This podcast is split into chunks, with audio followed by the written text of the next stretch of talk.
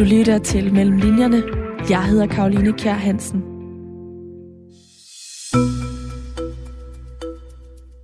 Jeg, jeg må sige, at jeg er virkelig chokeret over, hvor populær true crime er. Altså, jeg synes, det er rystende, og jeg synes, det er helt vildt ulækkert. Forfatter Kirsten Harman er tilbage med en satirisk fortælling om en forfatter, der har skriveblokering og er på sammenbrudets rand. Min leg er, at Geo skal skrive noget, som virker og som kan sælge. Og det ved vi krimi gør, og det skal gerne være lidt ulækkert, for ikke at sige meget ulækkert. Derfor har hun til sin nye roman Geokomplekset researchet i True Crime, og særligt en sag har hun brugt tid på at gøre til en del af romanen. Jerry Bruders myrdede fem kvinder og gjorde frygtelige ting ved dem. Men det er ikke kun true crime, der er farligt. Det kan research også være, når man er forfatter, fortæller Kirsten Harman. Alt det skrev jeg i mit manuskript, og, og var jo nødt til at fjerne en hel masse bagefter, fordi det er jo virkelig farligt at researche, fordi det er så sjovt alt det, man oplever. Man har sådan lyst til at fortælle det til andre. Velkommen til Mellem Linjerne, programmet her på Radio 4, der handler om forfatters research og arbejdsmetoder. Mit navn er Karoline Kjær Hansen.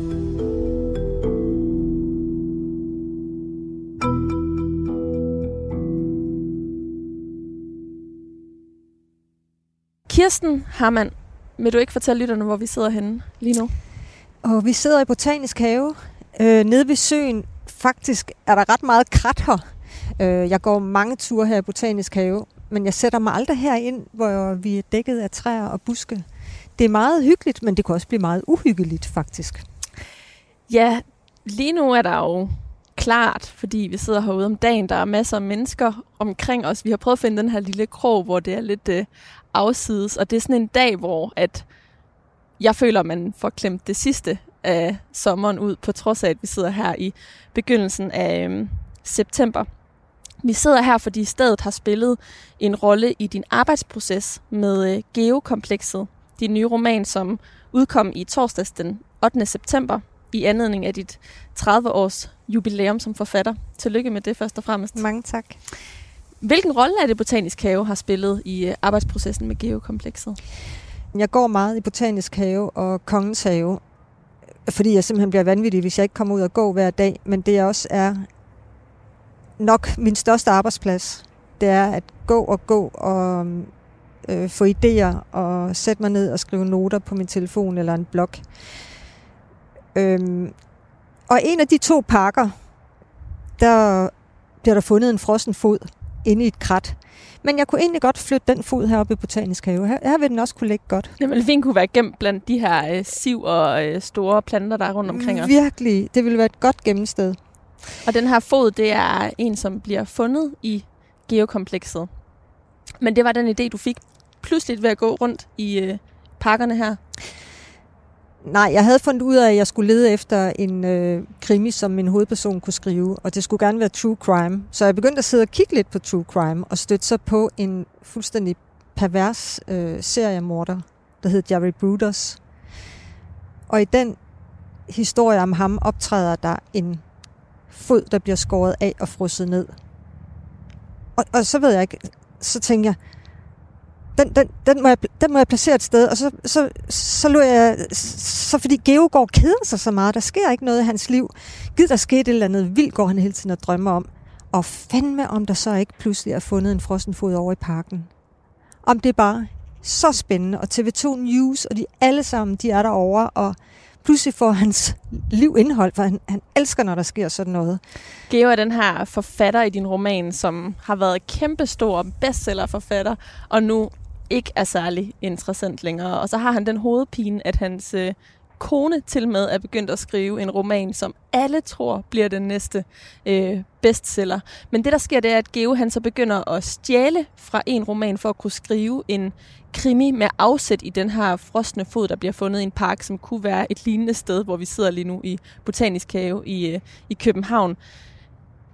Men du har stjålet fra fire bøger, og ikke fra øh, en bog, som Geo han gør. Du har brugt øh, nogle forskellige bøger i øh, researchfasen til den her genre true crime, som du, du var nødt til at øh, sætte dig ind i, fordi at Geo netop skulle begynde at øh, dyrke den genre i øh, romanen. Vil du ikke prøve at fortælle lidt om den proces? Jo, jeg tror i første omgang tænkte jeg, at jeg ville have Geo til at skrive sin egen krimi.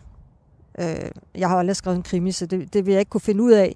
Plus det skulle være true crime, fordi det er, det er simpelthen så meget op i tiden, jeg tænkte, det er sådan en historie, han skal have. Øh, og så gjorde jeg faktisk virkelig en dyd ud af, at det var den rigtige historie. Øh, og det fuldstændig bliver afsløret inde i min bog, at han stjæler fuldstændig med arme og ben fra. Men også, at det egentlig er flot, fordi det er jo ikke kun at stjæle, da det er en virkelig true crime. Øhm, jeg lader ham så stjæle for en, en bog, som ikke findes om den historie, mens jeg selv har læst virkelig mange bøger om det. Jeg har hørt podcasts, jeg har set dokumentarfilm, jeg har abonneret på nogle, et, eng, eller et amerikansk øh, avisarkiv og hentet simpelthen så mange øh, artikler hjem fra det tidspunkt, det skete på i 1968 og 69, hvor, hvor Jerry Brutus myrdede fem kvinder og gjorde frygtelige ting ved dem. Det er så fuldstændig nyt for mig at virkelig bore mig ned i, i en sag. Og det var ret sjovt faktisk. Vil du ikke fortælle lidt mere om den sag? Altså Jerry Brutus her, han bliver så ligesom din hovedinspiration til øh, karakteren Erik, som Geo han skriver om. Altså det er en form for bog inde i bogen, der mm. bliver skrevet. Mm. Hvad er fortællingen omkring øh, Jerry Brutus, som du lige kort nævnte her? Det er, at han er en, øh, en dreng, som øh, som barn finder en meget smuk sko, ud, en damesko ude på en losseplads. Øh, han er fem år og tager den med hjem og hans mor bliver rasende og brænder den og skælder ham ud. Nej, nej, hun brænder den ikke. Han når nemlig at gemme den i et skab og, og lege med den, og så finder hun den igen, og så brænder hun den. Hun bliver rasende. Øhm, og fra dag af, der begynder der at... Han, han får en ubendig lyst til damesko. Han kan slet ikke holde sig fra at kigge på dem op gennem hele sin barndom og hans mor elsker ham ikke. Mor vil hellere have haft en pige. Storebror er den søde, lille djerve er bare altid den dumme. Og, og så er der jo alle mulige psykologer, der senere har analyseret på ham. Jamen, han kom til at koble moderens kulde og had mod kvinder mod de der damesko. Og, fordi han begynder så, når han kommer i puberteten faktisk, at stjæle sko og undertøj. Altså, han er fuldstændig besat så bliver han jo lidt ældre, så er det jo ikke nok bare at stjæle det og have det derhjemme Øhm, så begynder han også at overfalde unge piger og stjæle deres ting. Og det accelererer.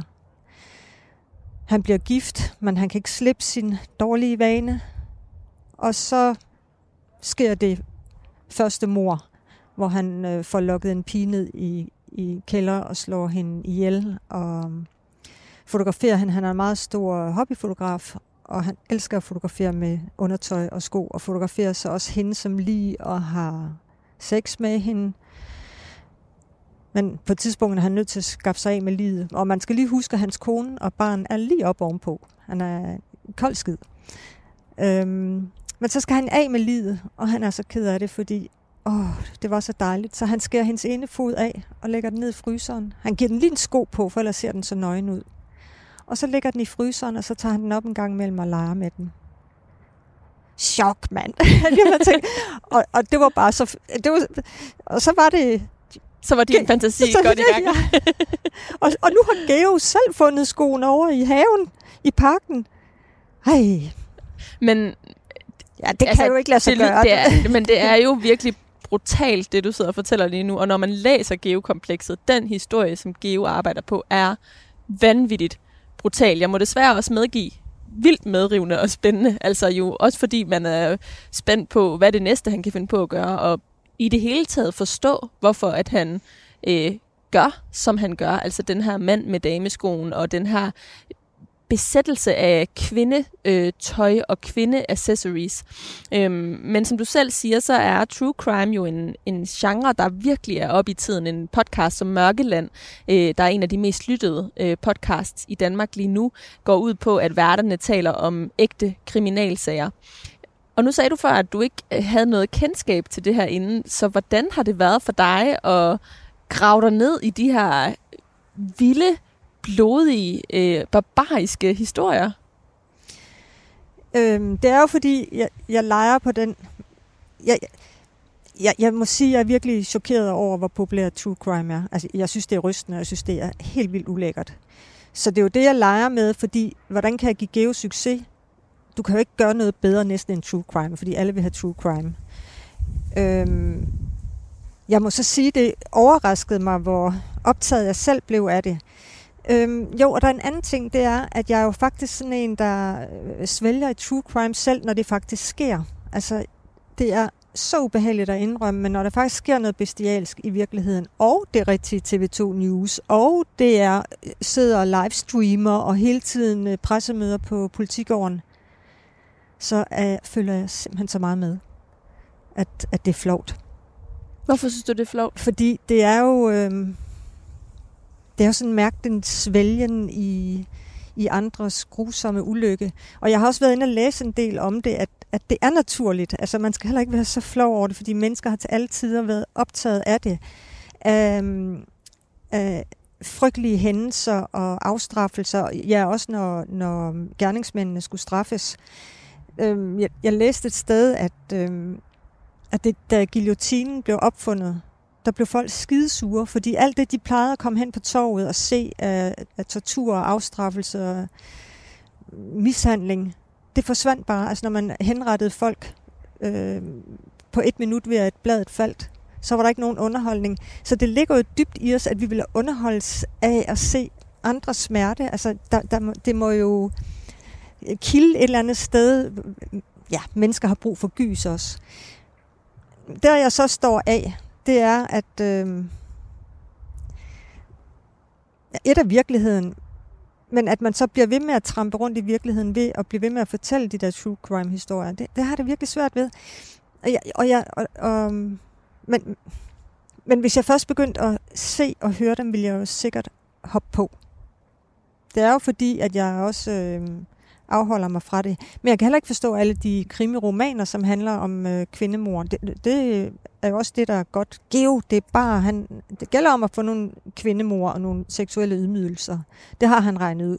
For det, det kan vi jo se. Jeg læser så ikke selv krimier, men jeg, jeg, jeg ved jo, at det er det, der foregår i de bøger. Og jeg synes, det er totalt sygt. Hvorfor har du så selv skrevet en roman nu, hvor du øh, ligesom inddrager det som et væsentligt element, og jo også grunden til, at du har researchet i den her genre true crime? Fordi det er jo hele lejen. Det er jo, at øh, min leg er, at Geo skal skrive noget, som virker og som kan sælge. Og det ved vi krimi gør, og det skal gerne være lidt ulækkert, for ikke at sige meget ulækkert. Og så skal jeg, og så så, det jo ind, så, bliver jeg jo, så bliver jeg også selv grebet af det. Jeg synes jo, det var en vildt spændende historie. Så det er måske bare, fordi jeg ikke læser og ser de ting, at jeg har så meget mod dem. Fordi jeg bliver jo fanget fra første øjeblik. Og jeg er så optaget af den der Jerry Brutus historie, så jeg er jo ikke øh, heldig overhovedet. Hvor meget af Jerry Brutus historien har du øh, taget øh, en til en i din øh, i, i geokomplekset, altså den bog, han skriver inde i bogen? Så meget som overhovedet muligt. Altså, Øh, det, det, det har jo været rigtig sjovt, at det er en true crime. Og øh, jeg har så mange ægte detaljer som muligt. Jeg skulle selvfølgelig skrive det i mit eget sprog, og jeg har også lagt no- nogle ting ind, hvad han føler og, og om hans familie. Men, men altså, det er så kendt en historie, at det er gennemdækket. Altså, der ligger så meget materiale. Øhm, så, så, så altså, næsten alt er øh, fuldstændig sandt, så har jeg jo så lagt det over. Jeg har kaldt ham Erik, og jeg har flyttet det til, til Danmark. I to fiktive øh, Nogle, byer. To fiktive byer. Og det har også været rigtig sjovt. Det, det, det, øhm, jo, men jeg, jeg har på en måde sat en ære i, at det skulle være så virkelig som muligt. Ja. Skal vi ikke lige høre en øh, passage øh, der fra bogen, der handler om det her spor, hvor altså vi øh, får et indblik i øh, Eriks brutale gerninger, og det er på side 111. Øh, Åh, se, der er en ung kvinde, der har kørt forkert med bussen, og nu går hun på en øde vej i en fremmed by sent på eftermiddagen. Hun hedder Anne-Marie Bertelsen og er 18 år. Hun har rejst fra Jylland for at besøge sin veninde, men nu ved hun ikke, hvor hun er. Måske kan hun låne en telefon et sted. Der står en mand derovre i sin forhave. Hun kan gå over og spørge. Jamen selvfølgelig, siger han, han hedder Erik og har en telefon nede i kælderen. Så kan hun også få varmen. Jeg skal bare ringe kort. Jamen, det er så fint. De går ned i kælderen, og Erik stiller en skammel frem til hende. Og så ud af det blå, mens hun leder efter telefonnummeret i sin taske, slår han hende ned bagfra med en lægte, og hun falder om på gulvet. Han lægger hænderne om hendes hals og kvæler hende. Hanne og børnene er ovenpå. Han går op og finder nogle penge frem og siger, at de skal køre hen på kafeteriet og købe en grillstik kylling og nogle pomfritter. Da de er ude af huset, går han ned i kælderen igen. Pigen ligger, som han forlod hende, og han klæder hende langsomt af. Han har fantaseret om det så lang tid, og nu er det endelig lykkedes. Han har en stor samling af stiletter, BH'er, hofteholdere, trusser, nylonstrømper. Men han har aldrig prøvet at klæde en krop ud. Han stabler hende op mellem nogle puder med benene over kors og guldsandaler på fødderne. Han tager nogle billeder og arrangerer kroppen på en ny måde. Han trækker bukserne ned og har samleje med hende, stønner, får udløsning, tager flere billeder. Nu kan han høre døren gå og trin ovenpå. Hanne og børnene er tilbage. Han smider et tæppe over pigen og går op til dem og spiser. Han er hundesulten. Efter maden går han ned i kælderen igen. Han kan lige nå en omklædning mere. Nyt tøj, flere billeder. Op til Hanne og aftenkaffen. Lade som om han snart skal i seng. Vente på, at hun sover. Tilbage til kælderen. Mere sex. Nyt tøj på. Flere billeder. Sidst på natten er lejen slut. Han er nødt til at komme af med livet. Men først saver han hendes venstre fod af ved anklen og gemmer den i fryseren. Så kører han ud i skoven og suger livet fast til en gammel bilmotor og dumper det i søen. I de næste uger leger Erik med foden, tager den ud af fryseren og giver den sko på. Sandaler, pumps, slingback. Når han er færdig, gemmer han den mellem poser med koteletter og hakket grønkål. Ind og ud af fryseren. Hvor lang tid må der går, før foden ikke længere kan ophisse ham.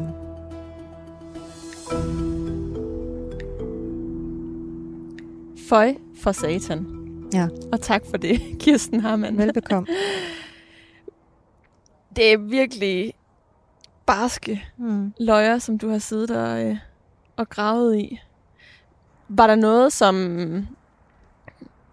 noget, som du blev decideret frastødt af undervejs, hvor du læste om det her, og nærmest fik lyst til at lægge det fra dig? Altså fordi det var så voldsomt og ulækkert at sidde med fingrene i, øh, billedligt talt. Ja, og det lægger jeg også i munden, eller i tankerne på Geo, fordi Geo synes jo, det er mega fedt det her, øhm, at få det gjort så penslende, udpenslet og ulækkert, fordi det er det, folk vil have, og han skal jo på bestsellerlisten. Men så kommer der nogle virkelig ulækre ting senere, altså endnu værre, og hvor Geo næsten bryder sammen, fordi han kan godt se, at det her går ikke. Altså det er der jo ikke nogen mennesker, der vil læse. Det er simpelthen for ulækkert og for ondt. Og den følelse havde jeg også. mm. Okay, altså det her kan man jo ikke byde andre mennesker. Men jeg vil lige sige, det er jo slet ikke værre end, end hvad der sker i Mørkeland og alle mulige andre podcasts og, og film. Altså, det er bare mig, der synes, det er rigtig ulækkert. Og Geo, som jeg er gode venner med, han synes jo også, det er virkelig slemt, for han er ikke vant til sådan noget. Mm.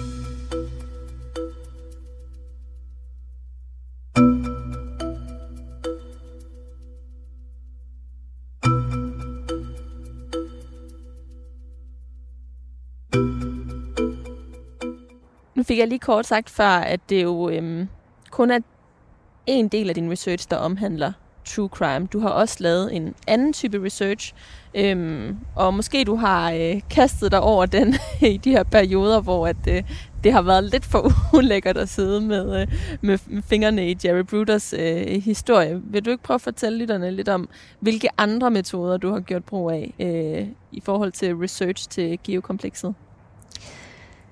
Øhm, på en måde troede jeg ikke, at jeg lavede research, men, men, men, men det gør jeg jo faktisk. Og de fleste af mine bøger har masser af research, og har endda kildelister om bag i. Øhm, det er bare den omvendte research. Det er ikke noget med at tage ud og undersøger et emne, og så skriver jeg om det. Men så har jeg skrevet en masse, hvor jeg har hentet ting og sager fra forskellige steder, og så opdager jeg, gud, jeg har researchet, fordi jeg fik ideen ved bare at leve og opdage et eller andet, og så skriver jeg det ind i min bog. det kan være film, jeg ser, øh, bøger, jeg læser, programmer, jeg hører. Selvfølgelig går jeg også aktivt ud og kigger nogle gange. Øh, altså en anden research, som var, er ret stor i den her Geo-komplekset, det er, at øh, Geo vil ødelægge sin kones bog, og hun researcher rigtig meget. Så øh, han mener, han kan fange hende der og ødelægge noget for hende ved at øh, få lavet endnu mere research. Altså hjælpe hende med at drukne i den såkaldte researchgryde, fordi den er meget farlig. Så han begynder at um, indsamle en masse research, som han på en måde i ved hjælp af en form for voodoo eller transport over til hendes bog, som bliver skrevet ind på den anden side af, af væggen, kan få hende kørt ud på et sidespor. Og det er for eksempel, at hun skal skrive noget om, nogen, om en sygepige, som, har, øh, øh, som får en dårlig skulder. Så går Geo så i gang med alt muligt. Jamen, hvad var det egentlig med de der øh, øh, øh fabrikker, hvor der sad øh, syersker på lange, lange rækker? Og så kommer han tilbage til... Øh, den midtjyske øh, tekstilindustri, så låner han bøger om det, og han er inde på Arbejdermuseet. For eksempel er han inde på Arbejdermuseet. Det er skrevet ud af bogen, fordi hvad skete der? Jeg landede selv i researchgryden. Fordi det var simpelthen så sjovt. Og den ene historie tog den anden. Og, og hele industrialiseringen i Danmark, som så endte med, at vi havde konfektionsfabrikker, og øh, som først lukkede, da vi flyttede øh, produktionerne til udlandet. Og men så kom jeg jo ind på alt muligt med børnearbejde og tændstiksfabrikker, hvor børnenes ånde lyste grønt, fordi de indåndede frygtelige øh, fosfordampe. Alt det skrev jeg i mit manuskript, og, og var jo nødt til at fjerne en hel masse bagefter, fordi det er jo virkelig farligt at researche, fordi det er så sjovt alt det, man oplever. Man har sådan lyst til at fortælle det til andre. Hvad, hvad, prøv lige at sætte lidt ord på, hvad researchgryden er. Altså at falde at falde i researchgryden, det er, det er noget, som man er i far for, når man begynder at indsamle viden, fordi man simpelthen bliver for optaget af det, øhm, og kommer til at sk- sidde og skrive sin egen nærmest øh, lærebog eller historiske bog. Fordi al den viden, man tager ind, skriver man ind i bogen uden tanker om, at det er at det, det går ud over øh, romanen selv. Så det nærmest bliver sådan en form for, altså for, fag, for fagbog, som bliver for tung at læse, og ikke så den har den der lethed, som en roman gerne skulle have. Ja. Og den typiske med, at folk så bagefter kan sige, øh, jeg læser en roman, jeg gider sgu ikke læse et leksikon, vel, fordi der, kommer for meget, der kan komme for meget fakta på. Så det er sådan en, en balance, som er farlig, øh, som er svær at finde for, for alle øh, skrivende. Mm.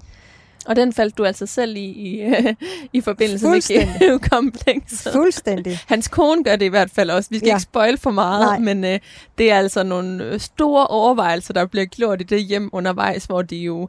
Altså, han forsøger at skrive sin uh, krimi, der skal ved pinapinden, og hun falder i øh, researchgryden. Mm. Men jeg vil også lige sige, at man kan godt falde i researchgryden uden at drukne, men faktisk få en virkelig god svømmetur og komme ud og opleve noget, man slet ikke har regnet med. Øhm, jeg har skrevet en bog for mange år siden, der hedder En dråbe i havet, hvor det skal handle om en, en forfatter, der bor i København, men gerne vil skrive om ulande og problemer ude i verden. Men hun vil ikke rigtig selv rejse derud, og hun har også et barn derhjemme, hun skal passe, så øhm, der opfinder jeg så noget til hende, hvor hun kan gå igennem en hoteldør, og så kommer hun ind i et nyt land, hver gang hun åbner den dør, og så kan hun nå hjem og hente sin datter og nå hjem til spisetid og det hele, samtidig med, at hun har været i en afrikansk landsby eller i en flygtningelejr. Øhm, der brugte jeg jo for eksempel øhm, dokumentarfilm, jo uden overhovedet at skrive dem af, men ved at gå ind i dem. Altså så satte jeg min hovedperson til at gå rundt i de dokumentarfilmer og opleve, hvad der skete for eksempel på et øh, øh hospital i en flygtningelejr. Jeg så også en dokumentar om øh, nogle unge piger, der arbejdede på en jeansfabrik i Kina. Det var helt vildt fantastisk, simpelthen bruge den dokumentar, der brugte jeg også replikker, ved at lade min hovedperson gå ind og så tale med nogle af de unge piger, der blev interviewet, og gå med hen og, og kigge og se deres værelser og høre, hvad de tænkte. Så det er også en kæmpe gave at, at bruge research på den måde. Mm. Det er ligesom at vælge et emne, man gerne vil kaste sig over selv som forfatter, og så kunne, øh, kunne inddrage det, man, man egentlig bare følger sin lyst efter og bliver klogere på at kunne, kunne flette ind i, en roman. Er det korrekt forstået? Ja, fuldstændig, fordi det er jo ikke noget med, at jeg har siddet og researchet sådan på øh, dårlige forhold ude i verden, men der, jamen, jeg hænger jo virkelig på internettet. Altså, det er jo så, det er jo en guldgruppe, og så kommer jeg til at læse en artikel, og så, gud, noget med jeansfabrikker, og så finder jeg den der film, og så... Nå, men så også fordi, at, at det er så let for mig at sætte min person ind i det.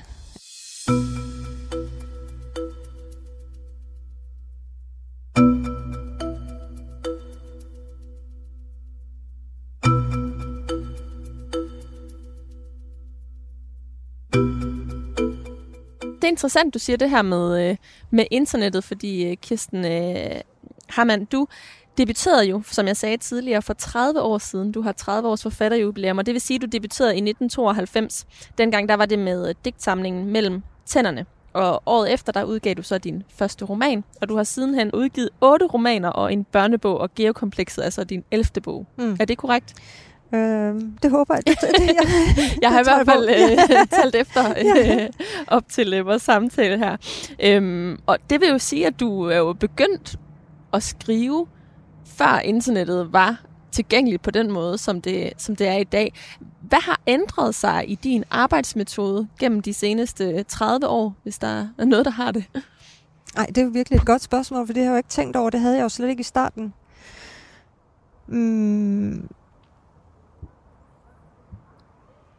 Altså, jamen jeg tror faktisk meget, jeg har... Fordi jeg har altid skrevet meget om virkeligheden. Altså allerede min øh, anden bog, øh, min første roman, Vær Vinkelvir, der var det også meget med at, øh, at, at tage fra verden og fra medierne, og hvordan var vejret i dag, og øh, hvis der havde stået en avisartikel om cigaretter, at det var vestens store dræber, så kunne jeg finde på, så skrev jeg det, og så i resten af romanen hedder cigaretter Vestens store dræber. Så det, det, det er ret meget med at, at indtage ting fra virkeligheden, og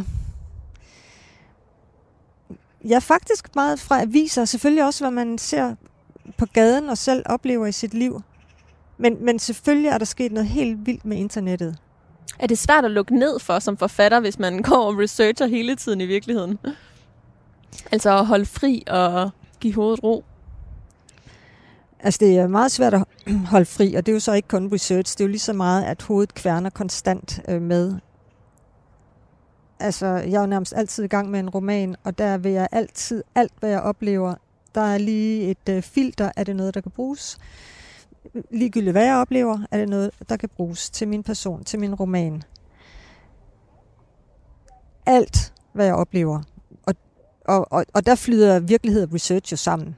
Fordi det er jo... Øh, det, det er ikke engang noget med at gå ud og søge researchen. Det er jo bare at filtrere alt, jeg oplever. Øh, ja, det er... Men, men nu kan vi sige 30 år. Ja, det er jo efterhånden blevet... Det er jo over halvdelen af mit liv. Så, så det er jo noget, jeg har vendet mig til. Det er den måde, jeg også ser på verden på. Og det er jo det fantastiske, men også det forbandede ved det her arbejde, det er, at at det så meget bliver ens egen personlighed, den måde at opfatte verden på, at der kan ikke slukkes, og man kan ikke gå på pension. så det har du aldrig planer om at gøre? Jamen det kan, det, det, det kan man ikke. Det er jo også et problem, der står om i bogen med Geo, der er misundelig på andre, for eksempel balletdansere, som har en øh, udløbsdato, der når de fylder 40. Øhm, hvor de jo ellers har investeret hele deres krop til den yderste lille blodstråbe i kunsten. Det får bare en, øh, en slutning. De kan ikke danse, når de bliver ældre, men en forfatter kan skrive til vedkommende dør. Mm. Hvis... Og vil formentlig tænke som en forfatter, indtil vedkommende dør. Så kan det godt være, at man ikke er i stand til at skrive, men, men det er en måde at tænke på og opfatte verden på, som er i sprog og, og forsøg på at transformere alt, der bliver oplevet ud i det materiale, der er sproget. Mm. Ja, fordi det er jo det, der virkeligheden er Geos problem, at han jo stadig tænker og opfatter verden som en forfatter, men er blevet øh, sat ud i kulden, hvad angår at være en del af, af bogbranchen og den faste forfatterskare. Øhm, og af den årsag kan man også se romanen som en kommentar, en satirisk kommentar til bogbranchen, som øh, den er nu, og også de præmisser, man skal agere under som forfatter, altså særligt i forhold til øh, de sociale medier. Og jeg kunne godt tænke mig, hvis vi øh, får øh, oplæst endnu et stykke, og det er fra side 210.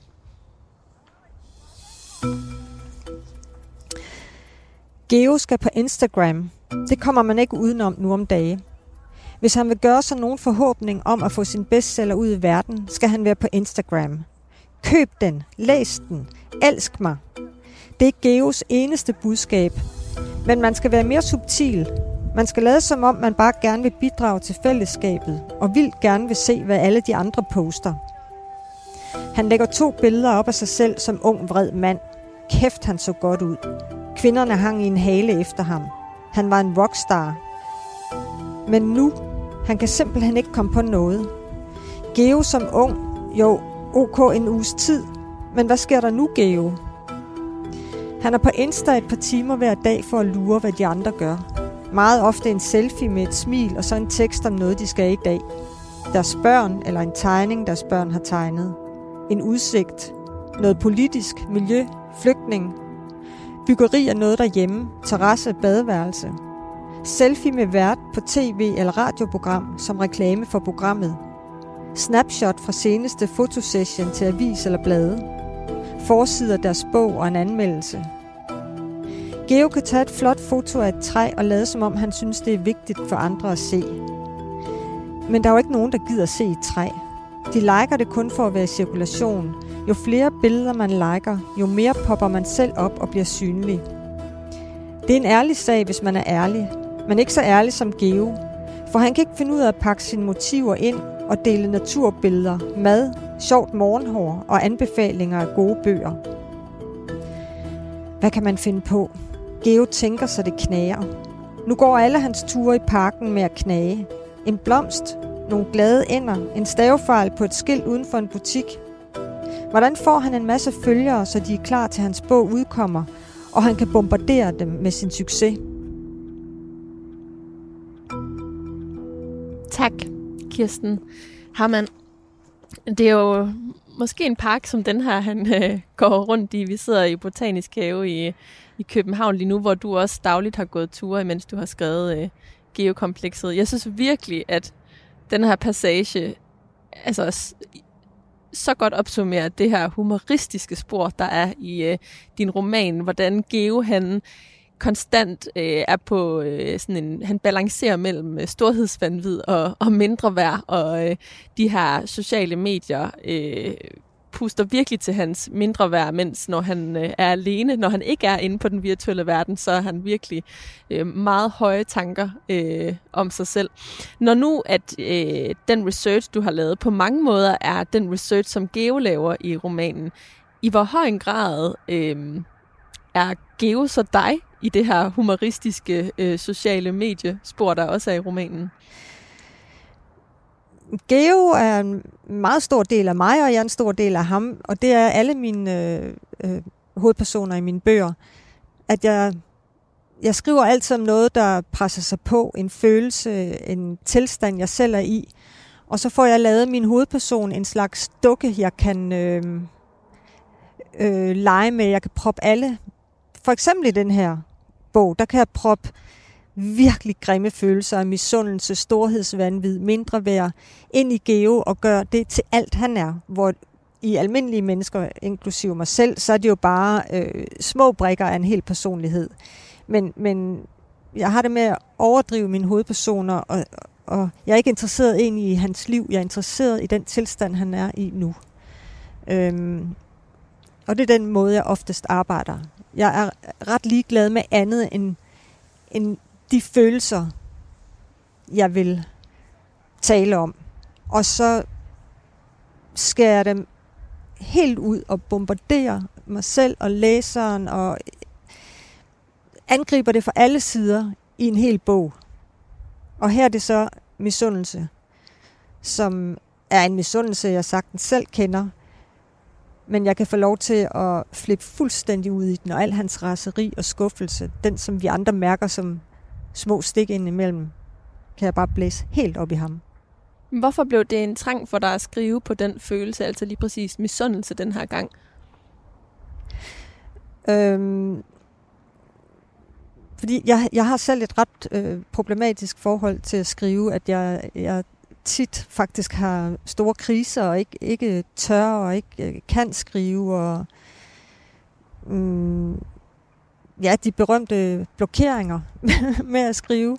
Øhm, og så har jeg faktisk haft det rigtig dårligt med det i flere år, og så hvordan skal man leve med, at det, det, der betyder allermest for en, nemlig at kunne skrive, og som jeg siger, den måde, jeg ånder og lever på, når det så går rigtig dårligt, så er der kun én, én måde, og det er at prøve at skrive om det. Så øh, når, når jeg selv føler, at, at jeg har mistet nærmest min identitet, fordi jeg ikke kan skrive, eller jeg føler mig udenfor, så tager jeg fat i de følelser og, og skriver om dem. Så der, det kommer af et behov. Det er ikke, fordi jeg sætter mig ned og tænker, hmm, skulle vi skrive lidt om at have det dårligt og misundelig og være færdig som forfatter? Ja, det gør vi. Nej, det, det er fordi, at det er nogle følelser, jeg selv har. Øhm, og så skal jeg personificere dem og ja. Mm. Som jeg sagde før, synes jeg, at den er øh, altså, enormt sjov, og jeg havde det meget morsomt, imens jeg læste Geokomplekset, men der er nok også nogen, der vil kunne tænke, at det er hmm, ynkeligt at skrive en roman om, at det er svært at skrive, når man er i den situation.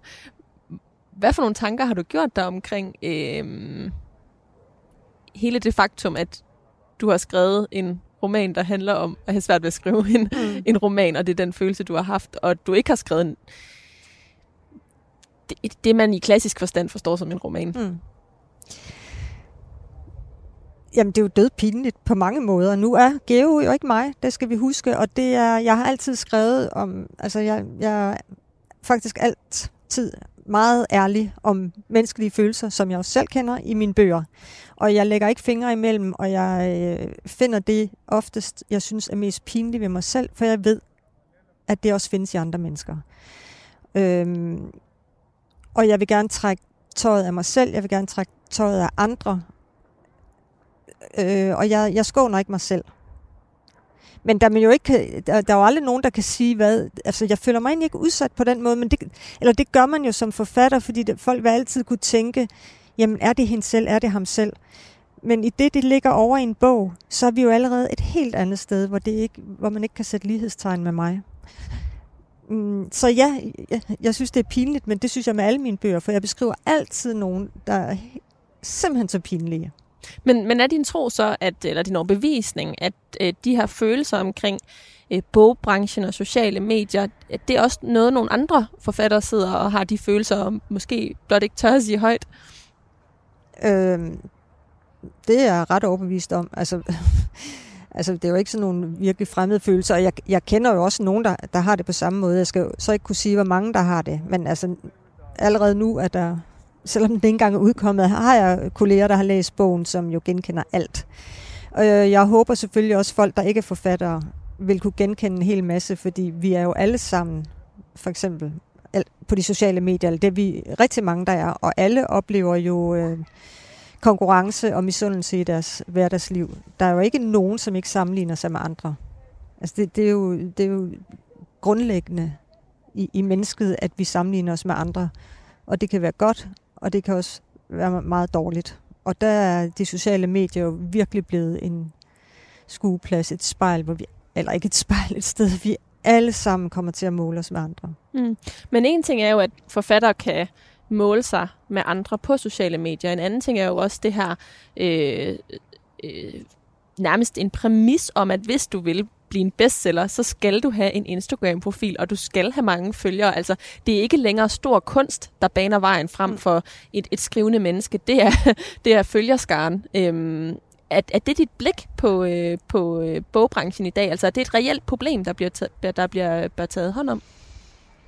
Mm, nu er det jo satire. Altså, det er en meget satirisk bog også, så det, det er jo ikke, selvfølgelig er det ikke rigtigt, at du ikke kan skrive eller komme frem uden at være på, på Instagram for eksempel. Men, men det er da helt tydeligt, at det betyder rigtig meget.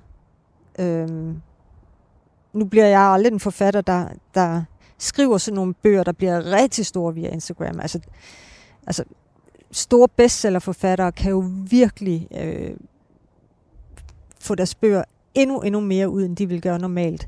Men sådan lidt mere litterær øh, litteratur, sådan lidt mere smal, smalle bøger, der tror jeg ikke, det gør den, den store forskel. Men selvfølgelig, når Geo skal skrive sådan en roman her, så kommer han ikke udenom Instagram. Hvis han vil have den ud.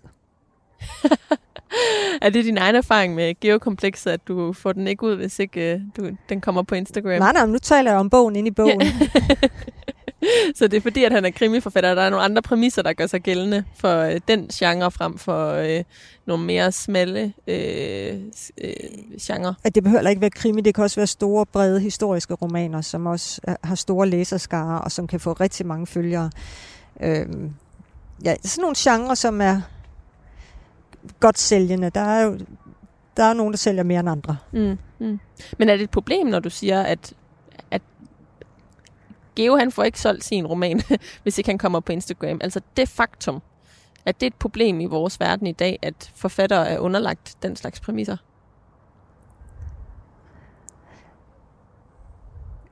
Altså, det er faktisk overhovedet ikke min egen erfaring. Det er jo bare, det er jo bare, altså, det er jo det, det, er jo, det, er jo det virkelig sjove, fordi det er jo det, der er, øh, er, er tiden. Altså, og jeg, jeg gør jo grin med tiden, og det er, det er tiden, der siger det. Jeg ved, der står i nogle kontrakter for bogforlag, at man forventer, at de selv øh, laver en del markedsføringsarbejde på deres sociale medier. Så det er selvfølgelig rigtigt. Men jeg ved jo også godt, at så enkelt er det ikke. Selvfølgelig er der masser af litteratur og kunst i det hele taget, der lever et ganske fint liv uden de sociale medier. Så det skal jo tages med et grænsalt. Modtaget. Kirsten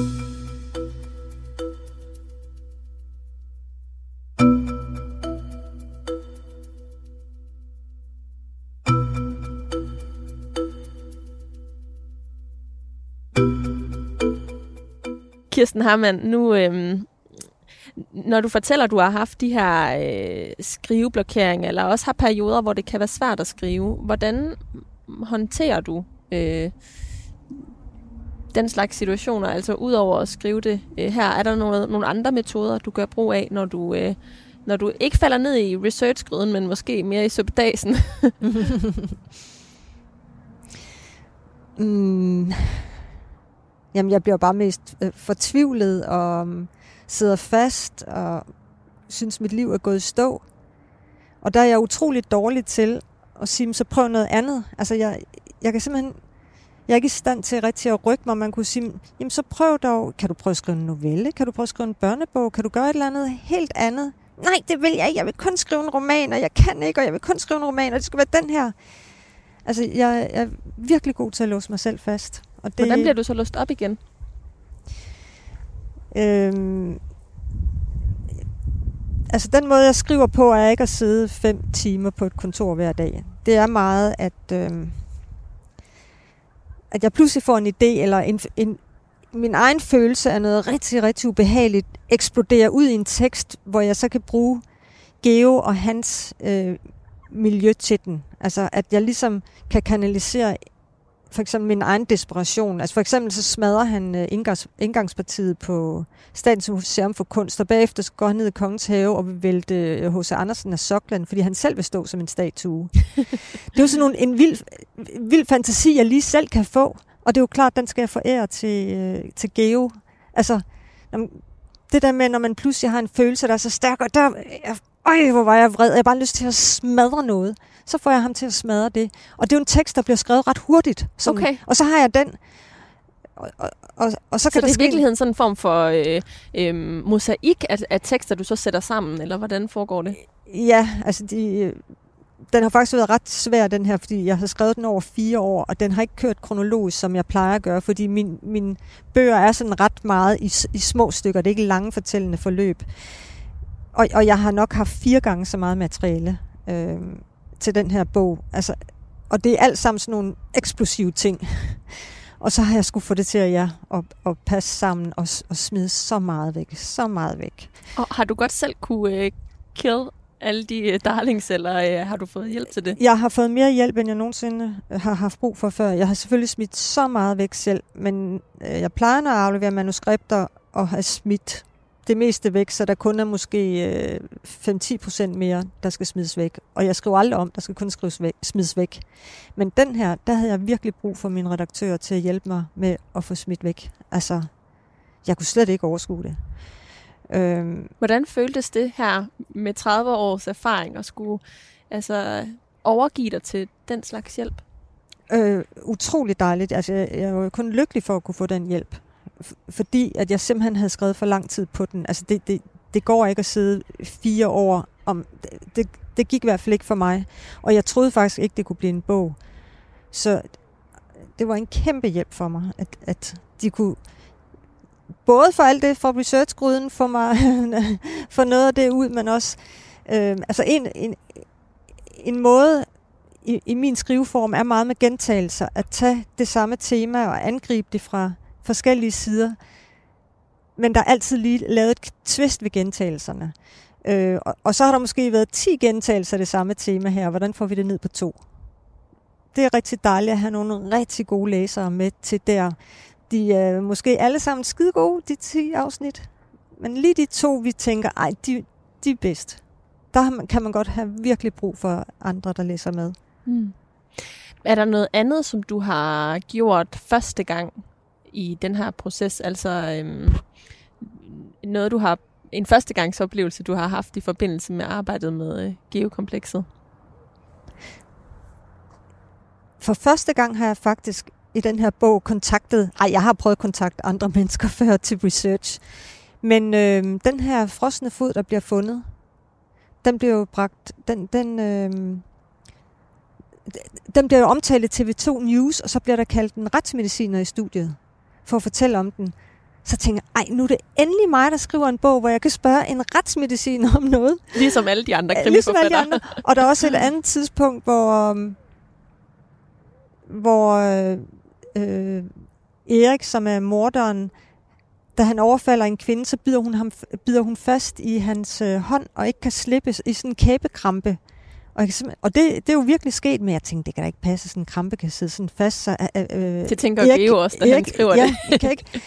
Og så tænker jeg, nej, det er jo også en, en læge. Og så fik jeg via forladet fat i retsmedicineren Jørgen Lange Thomsen, som jeg sendte det til, og så kunne han sige, hvad der var rigtigt og hvad der var forkert. Og jeg har også en øh, ven, som er hjerneforsker, som også kunne hjælpe med den der kæbekrampe. Det var simpelthen så fedt. Og det er jo så det, jeg laver sjov over, også i et kapitel her i bogen, at nu må Geo altså lige have noget faghjælp på, fordi ellers sidder der en anden læge på ferie i Thailand med benene op og tænker, åh, kunne forfatteren dog ikke have kontaktet en fagmand? Mm. Ja, det er den største Men, frygt ved, ja. som forfatter, at, at der kan sidde den der ene person ja. i landet, der er ekspert på området. Som, øh... Så det var rigtig sjovt at gøre. Jeg er utrolig ked af at skulle forstyrre folk. Jeg, kan simpelthen, jeg synes, det er så frygteligt at skulle bede folk om hjælp, men her var der noget virkelig konkret. Altså, jeg kender flere forfattere filmmanuskriptforfattere, som jo tager rigtig ud af researcher. Og jeg, jeg, jeg er simpelthen så flov over at skulle gå ud og forstyrre folk. Og så siger de, jamen men folk elsker at fortælle om deres fag, for eksempel. Men, men jeg, jeg, kan, jeg kan simpelthen ikke lide det. Men kun, nu havde jeg nogle konkrete spørgsmål. Og men hvordan, det, øh, hvordan tog de så imod, at du forstyrrede dem? Rigtig, rigtig, rigtig pænt. Så det, det var kun en god oplevelse. Men det er igen også, fordi jeg researcher omvendt. Hvor, hvor mange af dem, jeg kender, der researcher, de tager ud for at undersøge en...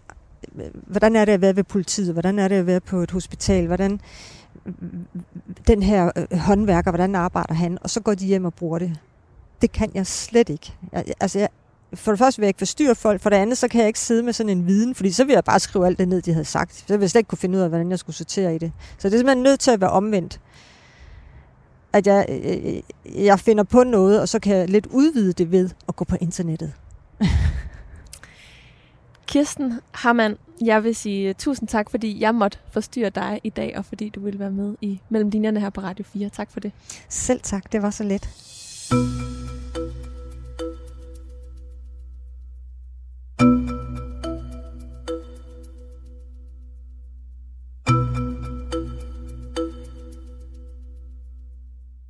Også en stor tak til dig, som har lyttet med. Det er programmet mellem linjerne, som du har haft i dine ører, og det er programmet her på Radio 4, der handler om forfatteres research og arbejdsmetoder. Kirsten Hammanns nye roman Geokomplekset, som det har handlet om i dagens program, udkom i øh, torsdags den 8. september, og den er blevet udgivet øh, af forlaget Gyldendal. Mit navn, det er Karoline Kjær Hansen, og jeg har den udsøgte fornøjelse at være vært på programmet her uge efter uge. Hvis du nu brænder ind med et ønske til en forfatter, som du mener, jeg bør invitere til at være med i programmet, så send mig endelig en mail. Det kan du gøre ved at skrive til mellem linjerne radio4.dk, altså mellem linjerne radio4.dk, og linjerne det er med et J. Du er også velkommen til at skrive den her mail, hvis øh, du har en eller anden form for kommentar til programmet, og du kan også fange mig på de sociale medier. Men hvis du nu kan lide, hvad du hører, så håber jeg, at du vil dele programmet med dem, som du holder af, og gå ind i Radio 4's app og søge efter mellem linjerne. Herinde der kan du nemlig finde mange flere forfattersamtaler og episoder af programmet. Jeg håber, vi lyttes ved.